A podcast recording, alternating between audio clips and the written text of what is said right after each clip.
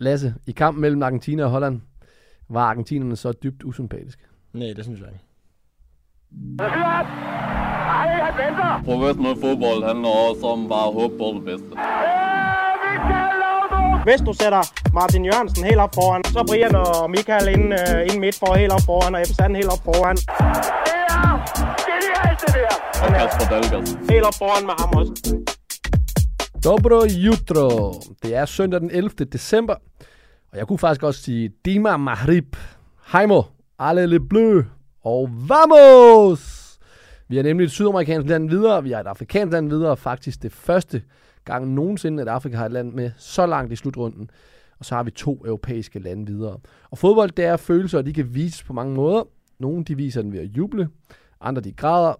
Og så er der nogen, der også hoverer, når de vinder.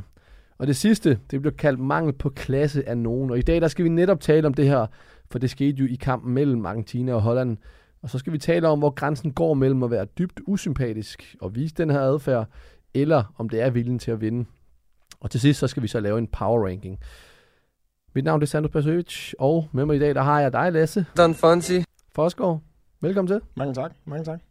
Du starter ud med at sige, at vi skal tale om det, så, øh, men du synes ikke, at det er dybt usympatisk af Argentina? Nej, jeg synes begge to var lige, øh, begge hold var lige gode om det. Så hvis det kun havde været det ene hold, der havde været det dybt usympatiske, så havde jeg måske ikke synes, det var det fedeste at se på. Det har nok ikke været hold, som der har vundet så meget øh, sympati, men jeg synes, at de, de gik til den, og det er en VM-kvartfinale. Altså, der er så meget på spil, der er så mange følelser involveret. Så kan man snakke om den øh, situation, der er med Messi øh, efter kampen. Altså, det er jo svært for os at vide præcis, hvad der er sket. Han har jo måske ikke vidst, at han bare vil trykke ham i hånden. Det er i hvert fald det, han siger. Ja, ja. Men, øh, Vi dykker ned i det. Ja, det er jo også så svært at sige. Altså, jeg, jeg synes nej, altså, det var ikke sådan, at jeg sad og tænkte, at det ene hold var værre end det andet. Jeg synes bare, der var så meget gnist i, og det har der været. Øh, de har også noget historik, de har, de har slået Holland ud tidligere i en strafsparkskonkurrence, så det, det er sådan som fodbold når der, når der er smart spil. Vi dykker ned, øh, meget mere ned i det, men jeg vil gerne lige høre, at øh, nu har vi jo fået afviklet, og vi kommer også til det i power ranking, men øh, der er sket, øh, Kroatien går videre, en kæmpe overraskelse, og vi har fået øh, Marokko videre, som også var en stor overraskelse. Er det godt for fodbold, at, vi, at de overraskelser kommer, eller vil vi hellere se, ikke vi, vil du hellere se de største lande, når det er, at, de, øh, at det skal til? Oh, jeg synes faktisk, det er fint. Altså, jeg kan sige, jeg synes, det er fedt nogle gange med en underdog, som der er overrasker, og så har man en eller anden tendens til nogle gange at holde lidt med dem. Fordi jeg har ikke et hold ud over Danmark, som jeg sådan sidder og tænker, det, det er nummer to hold for mig. Så derfor så er jeg sådan lidt ligeglad med, hvad for nogle hold det er. Rent fodboldmæssigt i forhold til, at det skal være underholdende fodbold, så kan jeg godt se, at der er nogle hold, som der er mere favorable at få videre, som selvfølgelig Argentina, Brasilien, øh, spiller hold af Frankrig selvfølgelig også. Øh, hold, som øh, har noget individuel kvalitet, og som primært har deres styrker i det offensive. Men jeg kommer der, altså hvis Kroatien og Marokko formår at gå i finalen, så vil jeg næsten 100% sidde og holde med det hold, fordi jeg kan forstå, hvor meget det vil betyde for et land, som ikke havde nogen forventning overhovedet til at skulle kunne stå i en VM-finale, hvad det kan betyde for sådan et land at vinde. Snakker du så om Marokko der? Marokko, og jeg synes også Kroatien, altså Kroatien har jo flere nu er det jo, nu er det jo, så vil det, så vil det jo være anden gang på øh, ja, ja, men to de har, ja, ja, men altså, de har jo stadig ikke vundet, og det, det kunne være så fedt for nogle gange at se de andre hold, fordi nu har vi alle sammen, tror jeg, hvert fald når man er over de 30, så kan man godt få en, øh, jeg kalder det Champions League-mæthed, når man har set de samme hold møde hinanden igen og igen i kvartfinale, semifinale, finaler. Så er det sgu meget fedt nogle gange, der kommer et hold, der tager røven på alle. Så jeg, jeg synes, det, det er fint, og det vidner også om, at øh, niveauet på nogle af de øh, lande, vi ikke regner så meget med, det er alligevel ikke så langt fra de andre, så, så de ikke kan slå. Og med det, så velkommen til 13. afsnit af Lige på. Det er genialt, det der! Lasse, vi skal vende den her fuldstændig magiske kvartfinalkamp mellem øh, Argentina og Holland, som jo endte med en argentinsk sejr efter straffesparkskonkurrence. Var det den her, var den her kamp den bedste under EM? Øh, altså, ja, jeg synes, det var den bedste kamp, der har været i, i øh, slutrunden, men det var meget på grund af intensiteten også. Man kunne virkelig mærke, at der var noget nerve. Det er nogle gange svært at beskrive, når man, Øh, når man ikke er med på stadion, men man kunne mærke det, og Argentinas fans er jo selvfølgelig vanvittige til at skabe en stemning på et fodboldstadion. Altså, det er jo helt outstanding. Det tror jeg virkelig, verden har, har åbnet op for den sydamerikanske passion, hvor stor den er. Men ja, der var det hele i den kamp, og at der så bliver scoret et mål lige før slutfløjt i, øh, efter ordinær tid, det er jo bare med til at gøre, at, at de sidste 30 minutter, det bliver jo, at man kan jo nærmest dårligt øh, holde ud og, og holde øje med, med, hvad der sker.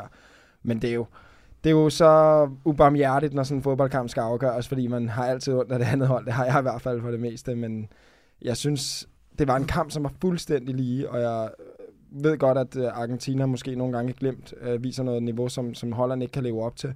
Men jeg synes jo, at det var en kamp, hvor begge hold havde kæmpe ære i, at det blev til den fodboldkamp, det gjorde. Og jeg synes, det var fedt, at Holland øh, greb kampen an på den måde, som, som de også gjorde. Fordi de, de, jeg synes, de viste noget respekt for Argentina, men de var ikke bange for dem i hvert fald. Har du set uh, Wout Weghorst, som jo har lavet det her mål tidligere? Nej, jeg har ikke set det Og, tidligere. men, hvis du, kan- du kan finde målet. For to år siden, så lavede han det også uh, for Wolfsburg, hvor han står uh, lige bag uh, muren. Jamen, får det- den. Og hvor køligt er det af Gaal, at han øh, hiver den her op dybt, dybt, dybt ind i overtiden.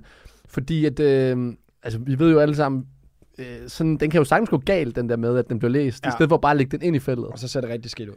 Det er han tør at tage chancen. Ja, altså nu er det jo svært at vide, om det lige er ham, der står og kalder, at de skal lave den der, men det er selvfølgelig noget, de har snakket om inden. Men ja, øh, katten af for spillerne til at hive den op. Jeg havde en øh, kammerat, der var til øh, FIFA-turneringen nede i øh, Holland, og var inde og se den på Amsterdam Arena. Han sendte en, øh, en Snapchat fra stadion. Jeg siger til dig, det gik fuldstændig amok derinde. Står og filmer op på skærmen, da de har frispark. Jeg har aldrig set noget lignende. Og det er jo bare, altså, ja, hvad kan man sige? Det er jo bare s- kvalitet. Altså, det er jo bare kvalitet. Og, og der er en ting, jeg synes, vi har set i den her slutrunde, så er det øh, topniveauet for nogle af topholdene, når, når, de, øh, når de er på højeste klinge. Det, det er fornøjelse at sidde og se som fodboldfan, og vi har, vi har jo heldigvis øh, fået nogle helt fantastiske mål i den her slutrunde.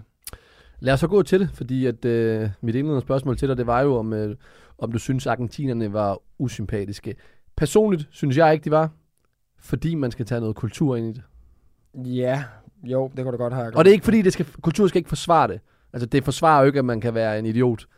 Men for at forstå følelserne, for at forstå måden, man re- man reagerer på. Man kan så sige, der har jo været øh, den her slåskamp øh, på banen i løbet af kampen. Den udvikler sig. Men den her hoveren, der også er. at der kom jeg i straffesparkskonkurrencen, der bliver det lige eskaleret lidt. Der, bliver, der er et par gange, hvor man ser, at de er over imod hinanden Ja. øh, i, i, omkring midtercirklen, efter der er nogen, der har sparket, fordi de måske prøver at syge hinanden. Og altså, man gør jo alt, hvad man kan for at gå videre. Og hvis man tror, det kan gøre en forskel, ligesom for eksempel man også så øh, af, af, af målmændene, øh, i hvert fald Argentinas målmand, var, Mm. var sindssygt god til også at, at komme op og lige skulle sige et ord eller to, inden at der skulle Ja. sparkes. Det er jo, Jamen, det gjorde, det gjorde hollænderne jo også. det er jo, det er jo, altså, det er jo, det er jo vist, bevist, at det kan gøre en forskel. Mm. Det der med at komme ind i hovedet på spillerne.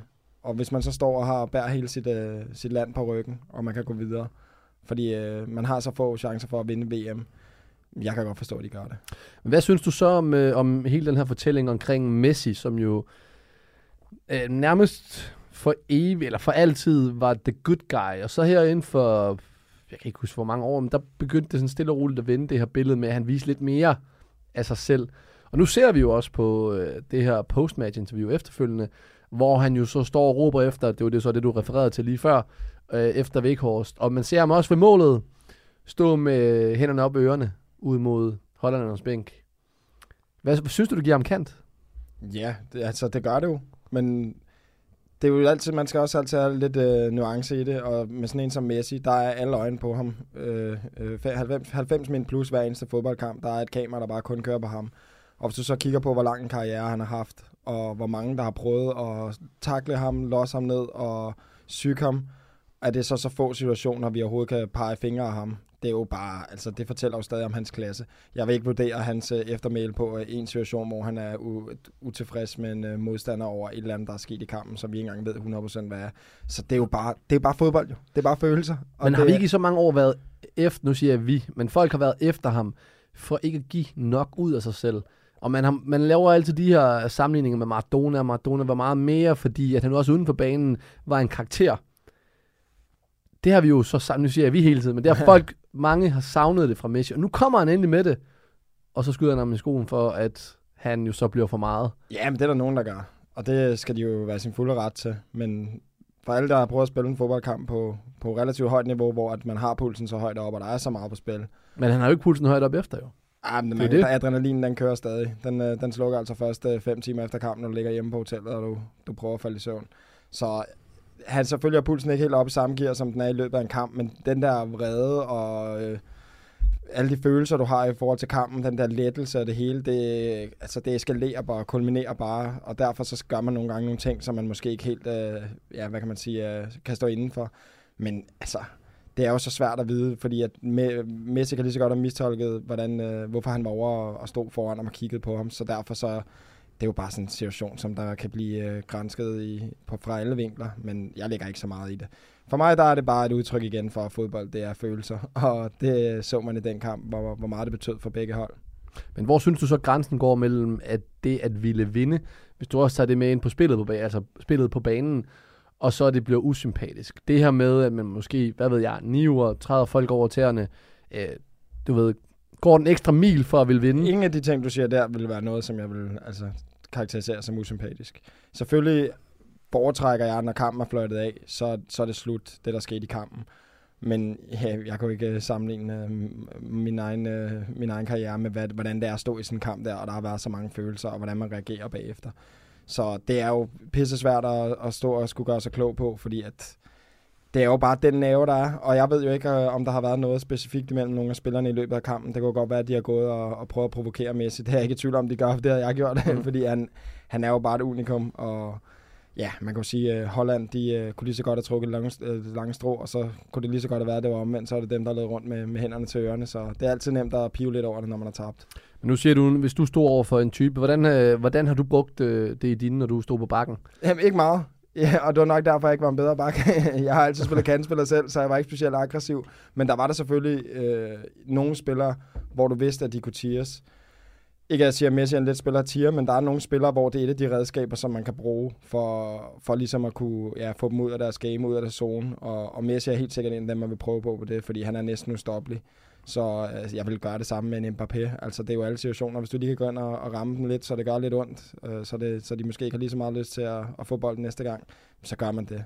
Men der er også det her med, at man siger, at, man, øh, at en ting er, hvad der foregår på banen, og der kan man godt være uvenner, men når kampen er færdig, så skal alle være venner. Og den køber jeg personligt ikke 100%, eller det gør jeg ikke. Fordi at, at spillet på banen tager man selvfølgelig også med videre ud. Så det her med, at man bruger temperamentet, og det man, at du siger, at man først kobler fra fem timer efter, det synes jeg måske så lige er lidt, lidt for lang tid. Men øh, det er ikke, du kan ikke bare skille det på den måde. Altså. Nej, altså jo, det kan du, hvis du spiller en øh, kamp i øh, Serie 5 i Fælleparken. Eller... Og der kan de ikke engang. Nej, det kan man jo ikke jo, altså. Der vil altid være, nogen vil nogle gange føle sig uretfærdigt behandlet over den ene eller den anden situation. Og i kampen her mellem øh, Holland og Argentina, der kunne, altså den nerve, den var der jo hele kampen. Så derfor så er det jo ikke overraskende, at der vil komme en situation eller to, hvor at det vil øh, jeg koge lidt over. Men jeg, jeg tolker heller ikke øh, Messis reaktion efter kampen, som om, at han øh, er totalt øh, anti-Holland, og han bare er et usympatisk svin. Altså, det var bare lige en enkelt situation, og der var, altså, det kan være, at han har sendt en sms til ham efterfølgende, han finder ud af, at han give ham hånden. Det er jo ikke til at vide, men det er jo bare sådan, det sker. Og hvis vi havde vendt situationen om, hvis det havde været en øh, Pepe eller en... Øh, ja, Ronaldo eller et eller andet. Så fordi vi allerede havde nogle øh, mm. forudtagelser i forhold til deres opførsel, så havde vi måske øh, synes, at det var noget lort, fordi det er ligesom allerede bekræftet det, man allerede tænkte i forvejen, hvor at nu med Messi, der er det måske, man sådan tænker sådan, ah okay, den, der slap den lige en enkelt gang. altså, det er Jamen, jo... Og han har også den her situation med, med Mexico-trøjen, hvor han jo sparker efter Mexikos kamp mod Argentina, sparker han jo en uh, Mexikos trøje hen ad gulvet, øh, hvor han også har fået meget hate for det, og efter sigende også åbenbart, at de overvejer at gøre sådan, at han ikke kan komme ind i Argentina eller i Mexico. Æ, så der prøver også at blive ting, der bliver påduttet ham. Altså sådan, du ved, øh, yeah. man prøver at lægge noget over ham på den måde. Men hvis vi kigger på Argentinas vej til semifinalen nu her, så er den putt på Saudi-Arabien til at starte med.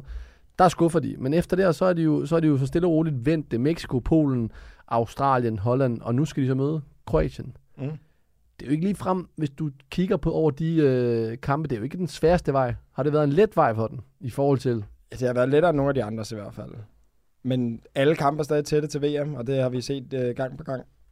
Så derfor så er det jo stadig øh, klasse at stå der. Altså Brasilien mødte Kroatien. Det, hvis de var kommet videre derfra, så kunne vi også stå og sagt, at de havde en relativt let vej. Det er jo bare øh, ja, vanvittigt kompetitivt til VM, hvor alle hold kan, kan byde hinanden op til dans. Så derfor så tror jeg, at altså, hvis Argentina står i en finale, uanset hvem de møder, så bliver det en 50-50 kamp mod Marokko måske, der vil de være en lille favorit, men altså, dem, dem, dem har jeg ikke lyst til at undervurdere mere, det har jeg gjort rigeligt i den her Jamen, turnering. Det er, det er. Altså, det er jo Bonner nede i, i kassen, og så et øh, forsvar, øh, ja, faktisk et helt hold, der bare sætter en kæmpe ære i at forsvare.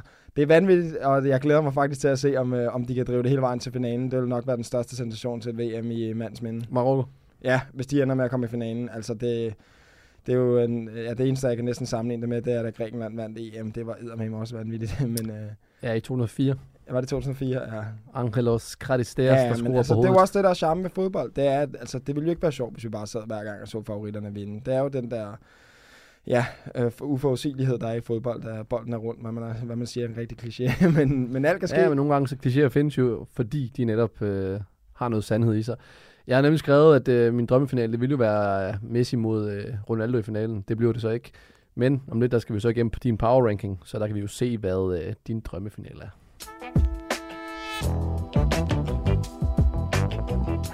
Det er genialt, det der!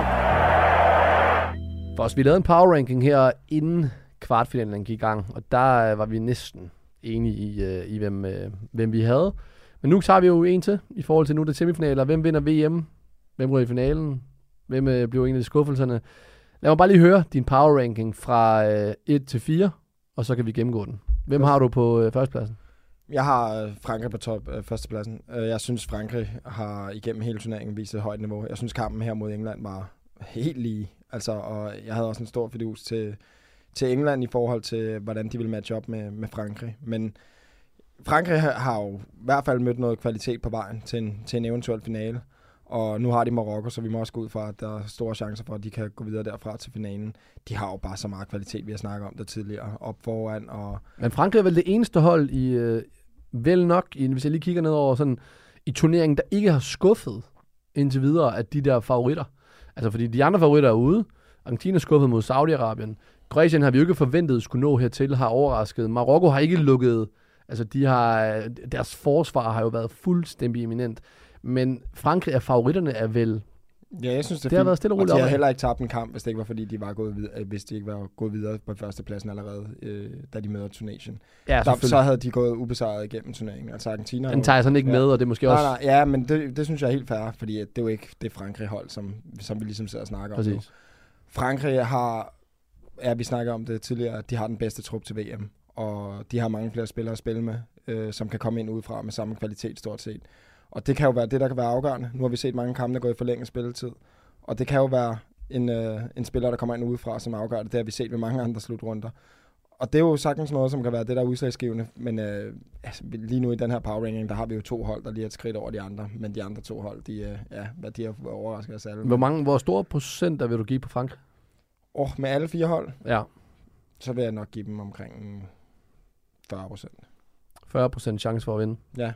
Men de har vel også øh, de bedste spillere, altså hvis man også kigger på deres, øh, nu tabte deres, kan man sige, øh, andet hold, godt nok øh, i kamp 3 i- imod Tunesien, men hvis vi kigger sådan bredt over alle 26 spillere, så er det vel også franskmændene, der øh, i mine øjne sammen med England måske, vil jeg nærmest sige også, havde en af de bredeste trupper. Ja, og Brasilien havde også en fantastisk bred trup. Men ja, jeg synes, Frankrig har det, har det bedste hold. Øh, det, er jo, det er jo vanvittigt, at vi sidder her og, og har et Frankrig-hold, som vi ranker som det bedste, når de mangler deres, øh, ja, i hvert fald måske deres bedste spiller inden Benzema. Men det fortæller også lidt om den kvalitet, de har, og så synes jeg, det er fantastisk at se øh, et mål fra, fra en midtbanespiller, Tuchemeni fra, fra Frankrig, vanvittigt sparket ind, altså forstående, så ved jeg godt, at vi kan diskutere om, hvorvidt målmanden skal have den, men det er jo bare altid svært, når den går imellem benene på en forsvarsspiller, fordi målmanden placerer sig efter, hvor forsvarsspilleren står. Men øh, altså, de har så mange... Øh, der, er ikke, der er ikke én ting, man kan måle kvalitet på på et hold, som de ikke har. Altså, det er top, top spillere over hele linjen i forhold til løbekapacitet, i forhold til fart, i forhold til øh, coolness med bolden, øh, pasningsevner, tekniske evner. Der, altså, de har det hele, og så har de også et stærkt kollektiv nu. Og det var jo det, vi har været efter dem tidligere, fordi de har haft så dårlig en optakt til det her VM. Fordi at der er nogle kampe, hvor det har lignet, at de ikke var der helt mentalt, og de har troet, at det bare ville blive walk in the park. Men det, det har de jo så heldigvis lært den lektie, inden de kom til VM. Så switcher de lige on, når det er, det gælder. Og jeg vil bare gerne lige, inden vi går videre, uh, Antoine Griezmann, fantastisk. Altså, han har haft sikkert en slutrunde, han har haft. Han, han er spilleren, der gør det muligt for Mbappé at slappe af defensivt. Han løber jo for, for tre-fire spillere uh, af, af dem op foran. Han laver alt holdarbejdet. Han kæmper. I dag laver han en fantastisk assist til øh, Giroud's mål til 2-1 mod England. Jeg synes virkelig, han har haft en god slutrunde. Det har han også, fordi det er lidt overraskende. Altså, der var jo tidligere slutrunder, hvor Griezmann var den helt store stjerne for Frankrig. Men Så har han haft et, øh, jeg vil ikke sige et par dårlige år, men han har haft et par år, hvor han har gået lidt i glemmebogen, fordi der er andre profiler, der har trådt frem på den store scene. Så derfor øh, var forventningerne til ham jo nok ikke tårnhøje, men øh, man må sige, at han har, han har præsteret på allerhøjeste klinge, og han har nok været en af de bedste 10 spillere til der VM. Hvem har du på den anden plads? Jamen, øh, på min anden plads, øh, der har jeg Argentina. Argentina, selvfølgelig. Øh, ja, det jo, hvis, de, hvis, hvis de ikke havde haft Messi, så havde de nok aldrig nogensinde været deroppe. Det havde de så nok med de modstandere, der ligger nede under nu, men altså, det er jo bare et stærkt Argentina-hold også, fordi de har en bedre defensiv, end de har haft tidligere. Og så, øh, jamen, så må vi jo bare tage hatten af for, at øh, på trods af nogle skader og hvad de ellers har haft, at de så bare har hævet nogen fra anden geled op, som øh, har, har præsteret. Og så bliver det spændende at se, som du selv siger, hvis de bliver matchet op mod Frankrig for, i en eventuel finale, om, øh, om de kan stå distancen. For det er nogle gange lidt svært at vide, hvad styrkeforholdet er imellem de her hold. Men i en finale mellem de to, der vil der jo ikke være nogen, der vil mere favoritten 55-45. Jamen nu skal de jo lige videre fra, øh, fra det. favoritdræberne fra, fra Kroatien først. I den kamp, i den semifinale, mange vil jo, altså de er jo favoritter til at gå videre. Men jeg har det bare lidt sådan, hvis man kan slå Brasilien i en øh, kvartfinale, så selvfølgelig kan man også nå øh, hele vejen. Og de var jo også, nu tager godt nok Kroatien det her, men Kroatien var også i finalen for øh, i 2018, hvor de mødte Frankrig. Så man skal jo heller ikke undervurdere dem, det ved jeg godt, de ikke gør. Nej, jeg synes også, hvis man så kampen mod Brasilien, så var det ikke fordi, at Kroatien de kun stod øh, fuldstændig defensivt. De øh, havde masser af gange, hvor Brasilien gik op og prøvede at stresse dem højt, hvor de bare havde sindssygt meget coolness. Altså, de har jo magikeren Modric inde på banen, men det var ikke kun ham. Jeg synes faktisk, det var hele vejen rundt. Mm. Der var flere gange, hvor de var fuld, øh, i, øh, hvor Brasilien var i fuldbanepres hele vejen op ved Kroatiens mål. Så spiller han bare på tværs til keeperen, og så bliver den chippet ud på modsatte bak. Altså, jeg synes, det er et hold, der har, øh, ja, jeg ved ikke, om man må sige det på podcast, men nogle år så. altså, det, Selvfølgelig det er sige nogle, øh, nogle voksne mænd. Det, det, det, det er et voksenhold, og det er nogle kriger, og de øh, ved godt, at øh, der, der sidder et helt land derhjemme, der vil gå fuldstændig ekstase, hvis de kan slå Argentina ud også. Og hvis de gør det, jamen, altså, så kan, kan man snakke om at have fortjent VM. Men hvordan, hvordan, hvordan slår man det her Argentina-hold? Fordi at, øh, det let vil jo være at sige, at man skal lukke Messi ud af kampen, men det har, det har der jo været utallige hold og lande, øh, hvis gameplan har været, og den har jo ikke virket. For Det kan man ikke. Øh, man kan ikke gøre det i 90 minutter i hvert fald. Men alligevel så har vi jo snakket før omkring den her Messi øh, dependencia i forhold til, om de er udelukkende afhængige af ham. Synes du stadigvæk, at de er det? Altså, de er ikke udelukkende afhængige af ham, men han er ham, der kan gøre forskellen lidt på samme måde, som Mbappé gør for Frankrig. Forskellen er så, at Frankrig har nogle andre spillere, der er rigtig, rigtig gode også, hvor Argentinas øh, spillere efter Messi, der er, lige, der er lige et lille hul ved, hvis vi skal helt ærlige. Og, og fred være med det, han er, han er en helt legendarisk spiller. Men jamen altså, man kan jo forsvare på mange måder. Den ene er, at man kan stå nede og parkere bussen lige foran mål. Hvis man gør det i 90 minutter mod Argentina, så tror jeg, det bliver rigtig svært, for de har mødt det et par gange øh, i den her turnering, og har vist sig, at, øh, at det var rigtig svært at holde dem øh, lukket ned i 90 minutter. Så en anden måde, man kan, man kan sørge for, at Argentina de ikke øh, får skabt så meget offensivt, det er jo at sørge for, at de ikke har bolden så meget. Så øh, nogle gode lange perioder på bolden for, for Kroatien, og så sørge for at være giftige på omstillinger og dødbold selvfølgelig. Det er nok nøglen. Men jeg tror, hvis, hvis Argentina, eller hvis Kroatien bare lægger alt initiativ over til Argentina, og det ender med at blive belejring af deres mål i 90 minutter, så tror jeg, de taber kampen. Men det synes jeg heller ikke, Kroatien viste mod Brasilien, så jeg tror faktisk, opskriften mod Brasilien, den, øh, den minder meget om den, som de skal have frem mod Argentina. Hvem har du så på din øh, tredje plads på Power Ranking? På min tredje plads, der har jeg så Kroatien. Og det er nogle af de grunde, som der lige blev nævnt. Det er et øh, taktisk rigtig godt hold. De er sindssygt gode til at lukke modstanderen ned. Det så vi også for, på nært hold for Danmark. I øh, det sidste halvårs tid, tror jeg det var, at de tabte øh, to gange til Kroatien. Hvor Kroatien var sindssygt gode også til at, ja, jeg ved ikke, om man kan sige ødelægge modstanderens spil, men i hvert fald sørge for at lukke ned for modstanderens styrker. Og det er jo både i forhold til, at man har nogle spillere med noget kvalitet, men det er også noget med, i forhold til de taktiske dispositioner, man tager, i forhold til, hvordan man øh, har tænkt sig at gribe kampen an. Og der er der jo nogle hold, der er sindssygt gode til at ha- have en plan inden kampen, og så følge den. Og så er der andre hold, hvor at spillerne måske ikke er så disciplineret, eller ja, hvad kan man sige, taktisk kloge til at kunne udføre det. Men der må man bare sige, at Kroatien, de kan jo omstille sig fra det ene scenarie til det andet. Og det er jo nok lige præcis det, der er brug for mod, øh, mod Argentina. Så Kroatien, altså, hvis du sagde procenter før med, at Frankrig skulle være favorit til at vinde VM med 40 procent, så tror jeg, at jeg vil ligge en øh, Kroatien på en 15 procent eller sådan noget. 5, ja, 25 procent måske. Men hvis vi kigger over, Kroatien har cirka 3,8 millioner indbyggere. Øhm, på 30 år har de, kan man sige, øh, overlevet. Men de har været igennem en krig. Det er i 90'erne. Deres første slutrunde som selvstændig nation i VM, det var i 98. Der blev de træer. Siden da, så er det kun i 2010, at de ikke deltager til en VM-slutrunde. 2018, der blev de toer. Nu er de i en semifinal. Altså, med 3,8 millioner mennesker. Det er fuldstændig en vanvittig præstation. Det er positivt for Danmark, så kan det også lade sig gøre for os. Jamen, hvad siger det? Ja, Altså, hvis for- jeg kigger ned over deres hold her, øhm, og, og de spillere, de har midtbanen, Brozovic, Modric, Kovacic, spiller på Klasse. det højeste niveau. Topklasse. Styrer fuldstændig øh, kampene og kan tage temperaturen. Og det er, og det er, den, og det, er den, det vigtigste sted på banen. Ja, I forhold til i hvert fald det, vi snakker om med game management, i forhold til at kunne kontrollere kampen, og i forhold til, hvornår skal vi spille direkte, hvornår skal vi holde bolden. Der er det dem inde i midten, der bestemmer. og de har hver deres roller i forhold til både det defensive og det offensive og kreere kampene. Offensivt, helt op foran, der havde de 18, der havde de Mandzukic. Nu har de, for at tage kamp mod Brasilien, Perisic, øh, Kramaric og Pasalic, som spiller op foran. Topspillere også. Ja. Øh, især Perisic, som har... Og så om bag der har de øh, Lovren, som er den øh, rutinerede rev dernede, og så har de lige ved siden af ham, der har de Josko øh, Guardiol. som øh, Real vil købe for 700 millioner nu. Kæmpe talent fra Absolut. Leipzig. Hurtigt. Jamen- Meget hurtigt. Ja, men de har så den her kombination. Nu prøvede du at sammenligne med, eller prøve at sige, at vi som Danmark også. Men de har vel lige præcis holdet skabt på en eller anden måde over de sidste øh, ja, 25-30 år et hold med individualister. Det er Ja. vel det, der har båret den. Øh, Ja, altså vi kan jo ikke så sige, at det er en kæmpe overraskelse, Kroatien er her. For hvis du kigger på spillerne, nu har du selv lige så nævnt dem alle sammen, altså så er det jo topspillere. Og hvis vi kigger og sammenligner med Danmarks hold, så er det jo også bedre spillere. Det er jo fordi, vi er bare forelsker i de danske spillere, at vi, vi nogle gange prøver at hive dem op på samme niveau, men det er det jo ikke. Og der er Kroatien bare i, ja, de er jo lige subtoppen. Altså hvad ligger de, hvis vi skal placere dem et eller andet sted på verdensranglisten nu? Det vil være svært ikke at have dem omkring lige måske en øh, 9. 10. plads eller sådan noget lignende. Og derfor så er det jo ikke overraskende, at de er, hvor de er nu. Så kan man så snakke om i forhold til den samme diskussion, vi havde tidligere omkring med Belgien. Er det ved at være sidste udkald for den magiske generation, de har nu? Fordi at med det indbyggertal, du nævnte, så er det jo fuldstændig urealistisk, at man- skal kunne blive ved med at mm. være og præstere på, på det niveau.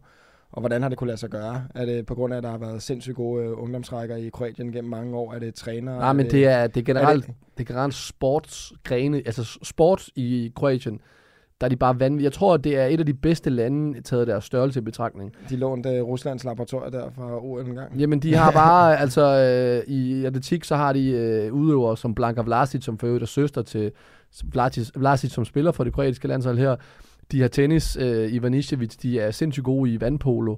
I basket har de også vanvittige dygtige spillere, også som hold er de også gode. Ja. I, I fodbold når de de her resultater her.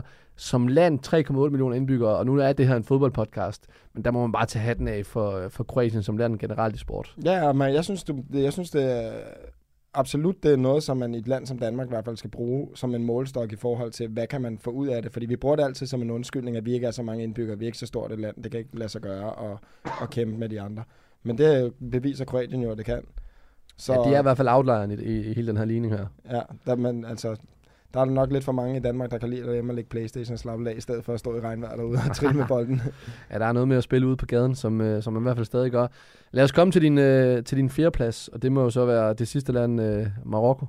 Det er Marokko, og det er overhovedet ikke fordi, at øh, det er en indikation for, at det er et dårligt hold. Fordi at Marokko er et øh, rigtig, rigtig godt fodboldhold, og det er jo altid fedt også at se til de her slutrunder, hvad for nogle taktiske, øh, hvad kan man sige, tendenser sker der rundt omkring. Fordi at vi har jo haft slutrunder for, lad os sige, 8 år siden, 12 år siden, hvor at, hvad havde den her tiki-taka med Barcelona, og alle hold prøver at kopiere det, og så lige pludselig kommer vi til slutrunder, og så er der nogle andre hold, der prøver at gøre noget nyt, og så bliver det tendensen næste år. Altså, de har så lang tids forberedelse trænerne Mm. mm. til et VM, hvilket ikke er helt normalt for et klubhold. Et klubhold, der er der ikke en træner, han kan ikke stå og begynde. Han kan godt begynde at få nogle nye taktiske tendenser på sit hold, men der vil gå mange måneder, før det kan bære frugt, fordi han kan ikke tage så mange træninger ud af en træne til at øve det. Men altså, vi har, vi har her at gøre med en landstræner, der kan sidde en måned og fuldstændig tilrettelægge sin taktik efter de spillere, han har, som han kan tage rundt og se en måned, og så samtidig sidde med alle de scouts, de har, og være til assistenttræner, og så sidde og lægge en plan for tre kampe i et gruppespil, og så sidde og scoute på eventuelle modstandere. Det er jo meget normalt nu, Jonathan Hartmann, som vi har snakket om tidligere, han øh, scoutede i Lyngby og var nede med landsholdet og skulle scoute, og han har jo, ja, det ved jeg ikke nu, nærmest i halvanden år, to år, øh, forberedt sig på modstandere, som Danmark kunne møde, og været inde i det system der, hvor at man konstant er nede og se dem spille kampe og analysere dem. Det gør jo bare, når man så når til den kamp, så er du så fuldstændig velforberedt, som du kan være. For en normal fodbolduge, der spiller du en kamp i weekenden, og så starter du forberedelsen om mandagen. Så vil der selvfølgelig altid være nogen, der har styr på, hvad der sker rundt omkring. Men jeg synes jo, det er fedt at se, at der er nogle hold som øh, Marokko, som der har formået at få det absolut ud af styrkerne på deres hold. De, øh, de har jo bare set, at vi har et vanvittigt godt forsvar. Hvis vi øh, står der godt og kan sørge for, at modstanderen forhåbentlig ikke scorer et mål, så stoler vi på, de individuelle spillere, vi har, den Sieg og ja, Kimi og nogle af de andre, de kan skabe nogle chancer, som, øh, som kan give mål. Og det, det er det lykkes med. Men man vil lige høre, er det så dårlig forberedelse, bare lige for at tage den tilbage, af Argentina, at de ikke ved, at Wout Weghorst har lavet den der for to år siden, hvis det er, at man analyserer på alt, og det er jo sådan en ren NFL-ting. Ja, det er sjovt, du siger det, fordi det første, jeg tænker på, det er, hvor mange gange jeg har siddet i et, øh, i et øh, fodboldrum, øh, videorum med spillere fra Lyngby, og hørt om den ene og den anden kombination, vi har set modstandere lave, og så sidder man alligevel dagen efter, og så er de andre scoret på det. Fordi der sker bare et eller andet, når man er på den bane der, og man lige pludselig har haft fire sprinter, og så står du lige pludselig på en dødbold, og du står der, når man tænker, jeg har første zone, og så har du måske fået at vide, at der er en, der kan finde på at løbe ud og skal modtage den kort, eller et eller andet og så lige i momentet, så glemmer du lige, at det var dig, der skulle løbe med, eller et eller andet, og så dag bagefter, så lige snart bolden er gået i nettet, så står der og tænker, åh, oh, oh, det, var, det, var det. Det, det, tror jeg, jeg fik at vide i går. og, det, og det sker faktisk overraskende tit. Øh, det har jeg i hvert fald været med til det mange gange. Så mm, altså, man kan jo ikke gardere sig imod alle kombinationer, et hold har lavet de sidste to år, altså, fordi de kan jo lave mange forskellige. Det er jo sådan en NFL-ting jo. Jamen, det er sådan en NFL-ting, og, og i forhold til det her med, at nogle gange så kan modstanderen også finde på at lave et, en anden dødboldskombination, mm. øh, kombination, så, som minder om den anden, sådan, så dem, der er på banen, tror, de ved, hvad der skal ske, men så udnytter man måske, at der kommer et bagrum i stedet for, eller et eller andet. Ja. Så derfor så er, nogle gange så er der der, og der, der synes jeg mere, at man skal rose dem, der finder ud af at ja, finde på det, end dem, som der ender med at blive straffet på det, fordi det er bare vanvittigt svært nogle gange. Helt enig. Det er at se glasset øh, halvfyldt i stedet for halvtomt. Men øh, bare lige for at tage Marokko, de, øh, altså de har jo spillere, blandt andet nogle af de spillere, de sætter ind i kampen. De spiller altså i Toulouse, Qatar, Brest i Frankrig, Bari, Angers, Riyadh Athletic. Hvordan kan, de, altså, hvordan kan spillere fra de her klubber være med til at bringe et hold helt frem til semifinalen? En rigtig stor portion uh, taktisk snille, masse disciplin, masse stærk kollektiv, uh, og så også en stor portion held, vil jeg sige, fordi at de har også haft uh, det held og de marginaler, som de skulle have.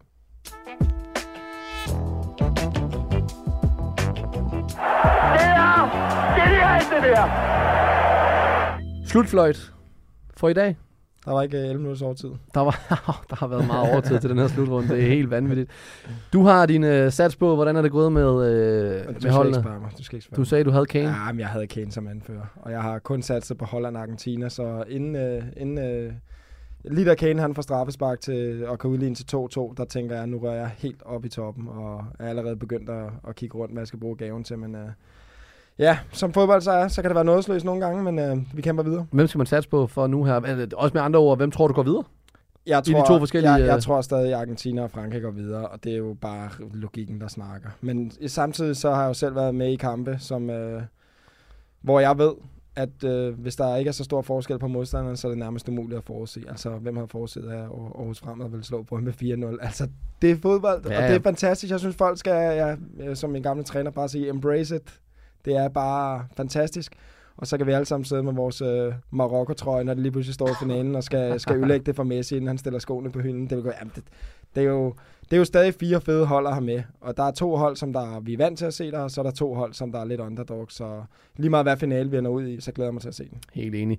Vi er i hvert fald tilbage med øh, lige på igen på onsdag, tror jeg det er ikke mig på, men jeg tror, det ja, er onsdag. Og god bedring til Lionkeeper, som desværre ligger med en, øh, en gammel ryg, der driller ham lidt lige nu. Ja, han er... Varme tanker til Han har en dårlig ryg. Varme tanker til dig, Lionkeeper, og til alle andre. Hasta la vista. Professionel fodbold handler også om bare at håbe på det bedste. Hvis du sætter Martin Jørgensen helt op foran, så Brian og Michael ind, uh, ind midt for helt op foran, og Ebbe Sand helt op foran. Foran med ham også.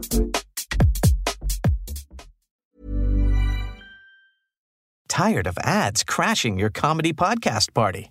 Good news. Ad-free listening on Amazon Music is included with your Prime membership.